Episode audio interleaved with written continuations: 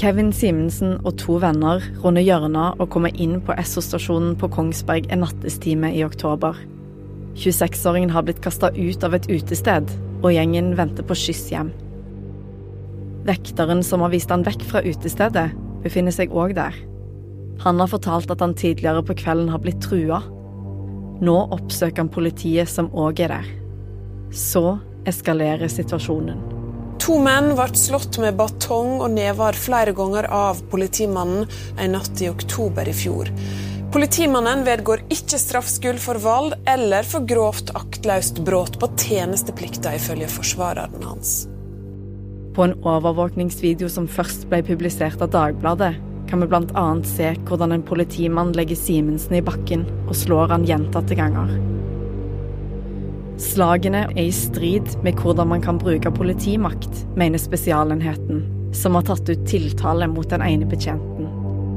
Sjøl nekter han straffskyld og beskriver det som skjedde som en truende situasjon.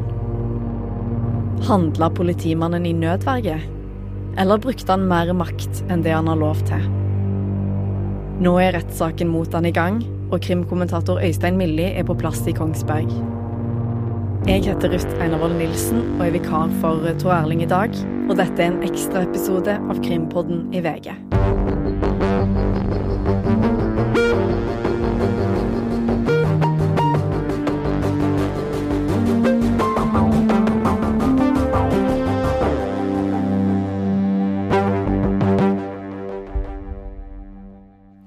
Øystein Milli, det nærmer seg slutten på rettsdag én når vi spiller inn dette, og nå har tingretten en liten pause. Men la oss begynne fra starten i dag, hvor det som i alle rettssaker begynte med at politimannen fikk ta stilling til skyldspørsmålet. Ja, det gjorde han, og som forventa så nekter han straffskyld. og det gjorde han jo da når saken ble innleda, som du sier, ut. Og så kom han jo tilbake igjen og utdypa det underveis i forklaringa si. Men alt starta med at han høyt og tydelig etter at tiltalen var lest opp, nekta straffskyld for begge de punktene han er tiltalt for. Ja, som er grov kroppskrenkelse og grovt uaktsomt å ha brutt sin tjenesteplikt. Og du sier at han ga sin forklaring i dag, denne tiltalte politimannen. Hva er det han sier om hva som skjedde den kvelden i oktober?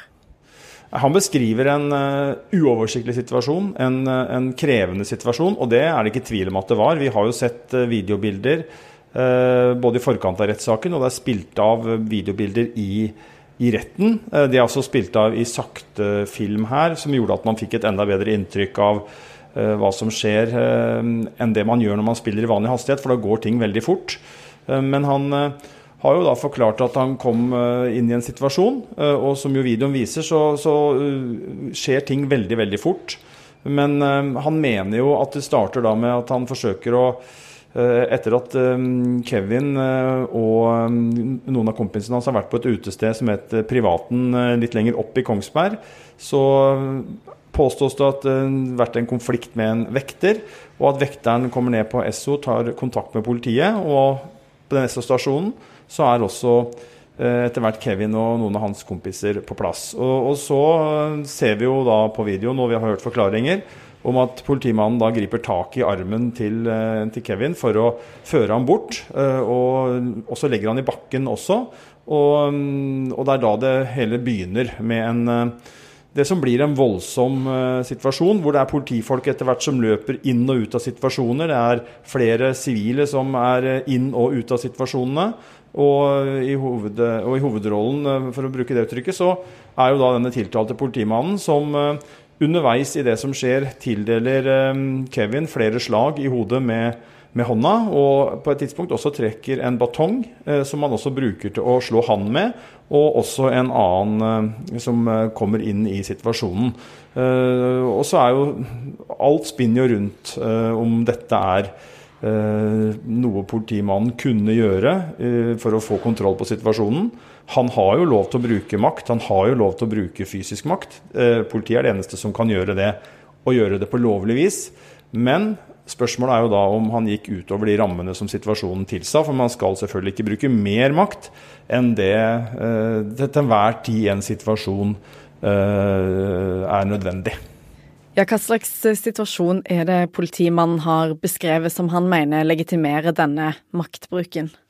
Han sier jo at uh, nesten uansett, eller uansett, hvilken maktmiddel han brukte, så fikk han ikke den reaksjonen han ville ha. Altså at uh, Kevin, da, som det er snakk om her, Kevin Simensen, at han ga seg. og det hevder jo politimannen eh, kommer delvis eh, støttes av videoen, hvor man ser at eh, det kommer en hånd opp i ansiktet på politimannen på et tidspunkt, og at Kevin Simensen er i ferd med å reise seg flere ganger, og at også beina hans spreller, og om det er et spark eller en annen bevegelse, det, det kan det være delte meninger om, men det, men det er ikke tvil om at han han eh, si, gjør en form for motstand. Og så sier jo Kevin Simensen at han følte situasjonen livstruende, og at han da gjør motstand fordi han er redd for at han skal han at han skal dø, rett og slett. Eh, så det er jo to helt ulike versjoner her, og helt to ulike utgangspunkt.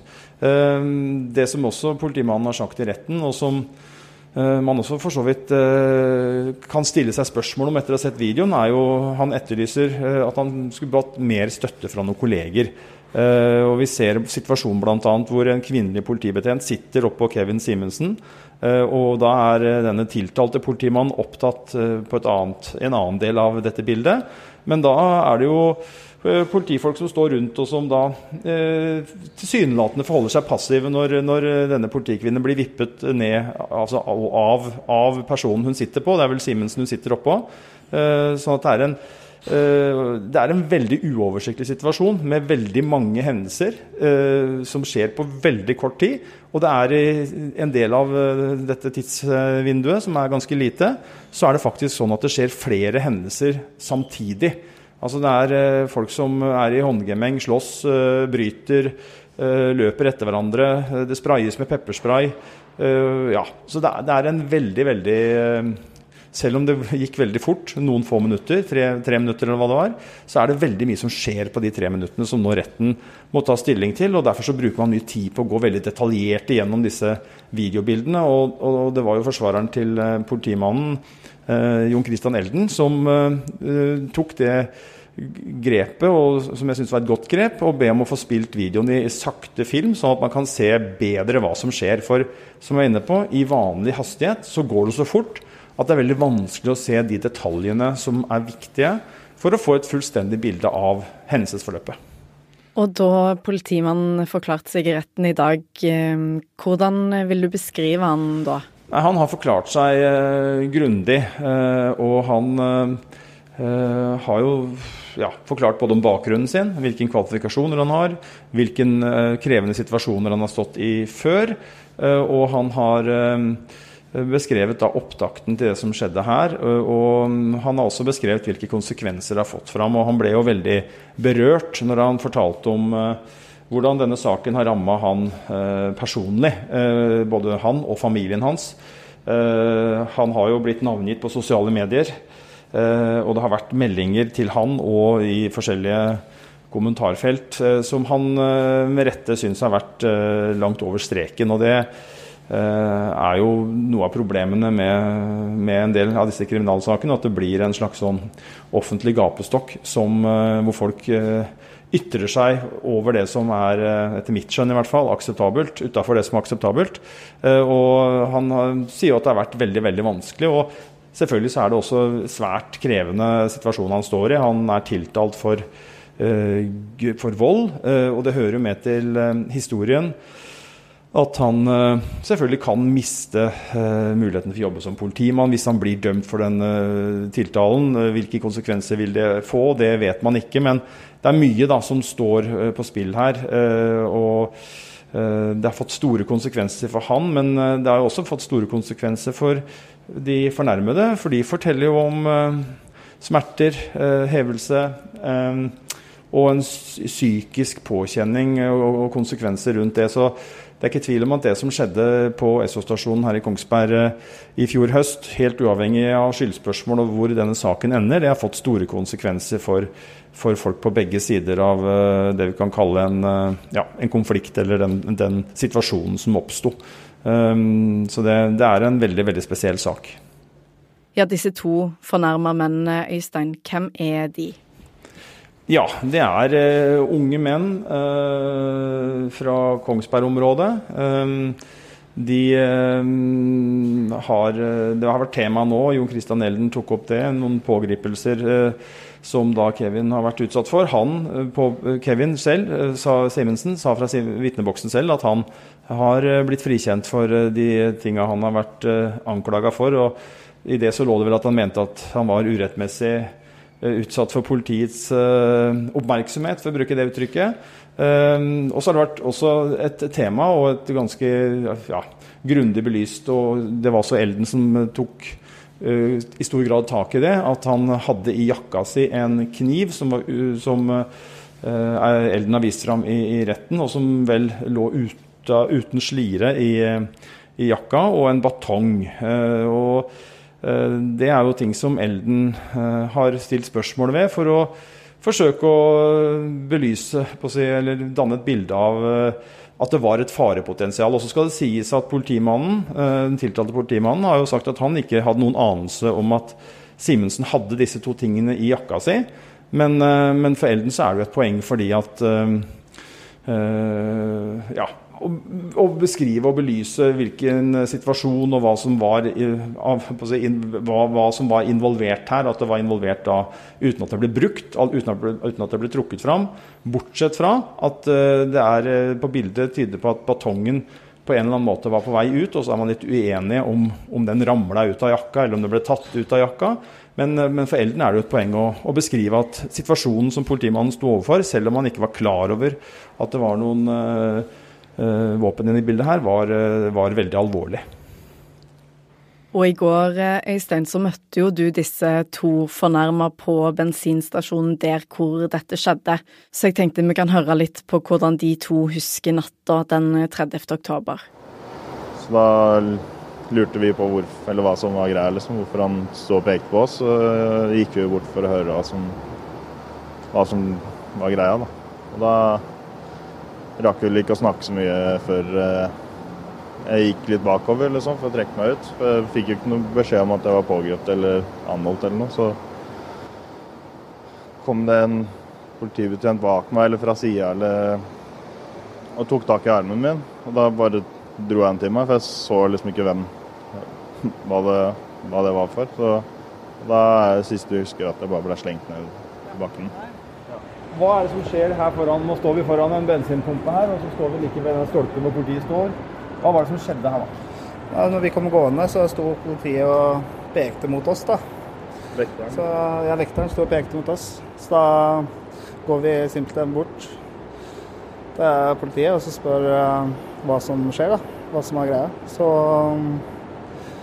ja, fikk vi vel ikke noe svar på det, tror jeg. Så går i kort tid, så kommer en mann og tar tak i altså Potemann. tar tak i Kevin bakfra og slenger han i bakken. Og bare begynner å slå løs. Så ja, han da, han potemannen blir svart, helt svart i øya og så ut som han fikk et raserianfall.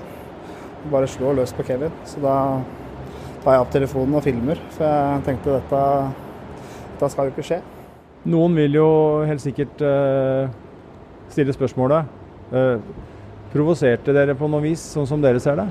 Nei, ikke som jeg fikk med meg i det hele tatt. Jeg ble veldig overraska over at uh, Det var liksom ikke noe ikke noe krangling tidligere på kvelden som jeg fikk med meg. Mm.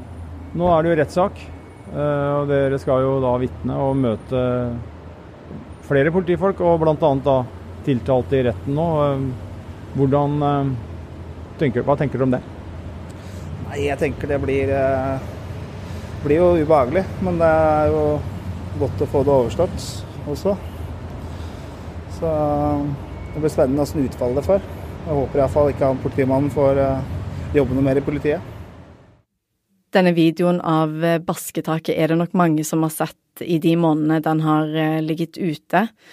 Hva rolle kommer den til å spille i rettssaken de neste dagene, og i forlengelse av det, altså hvilke vitner og andre beviser er det som kommer til å bli ført for retten? Ja, videoen blir veldig viktig hele veien, fordi det er jo et, uh, si et objektivt, uh, objektivt, bevis. Det viser jo hva som skjedde. Uh, og så er det som jeg var inne på, vært spilt av i lavere hastighet, og da får man et enda bedre inntrykk. Så mye her kretser jo rundt denne videoen.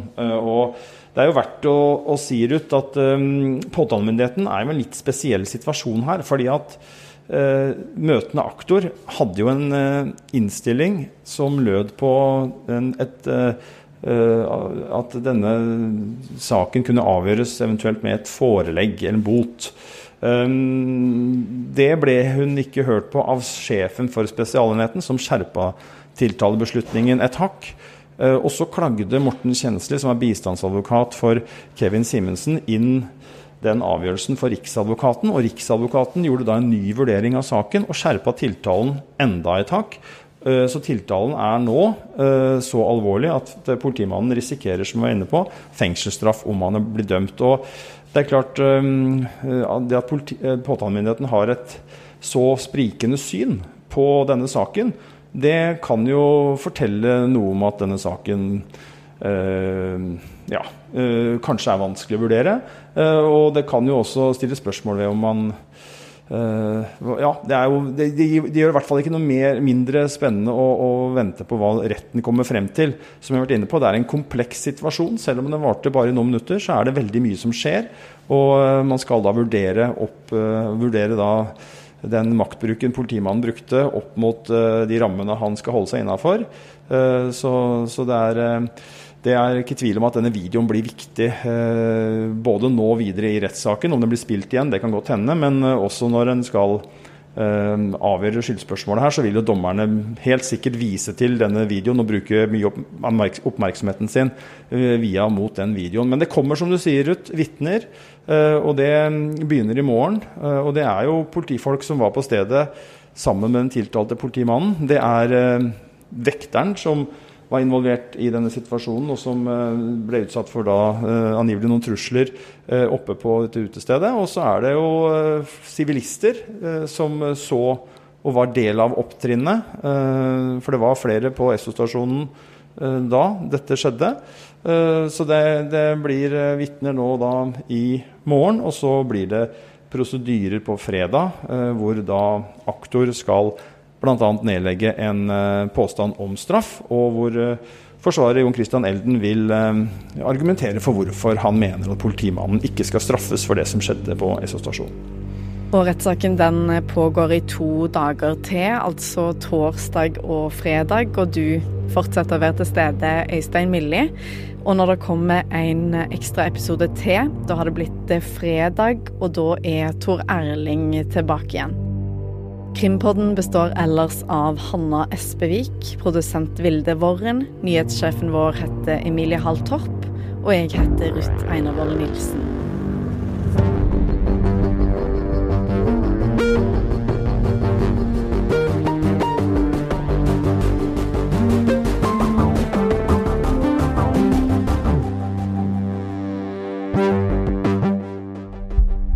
Du har hørt en podkast fra VG. Ansvarlig redaktør, Gard Steiro.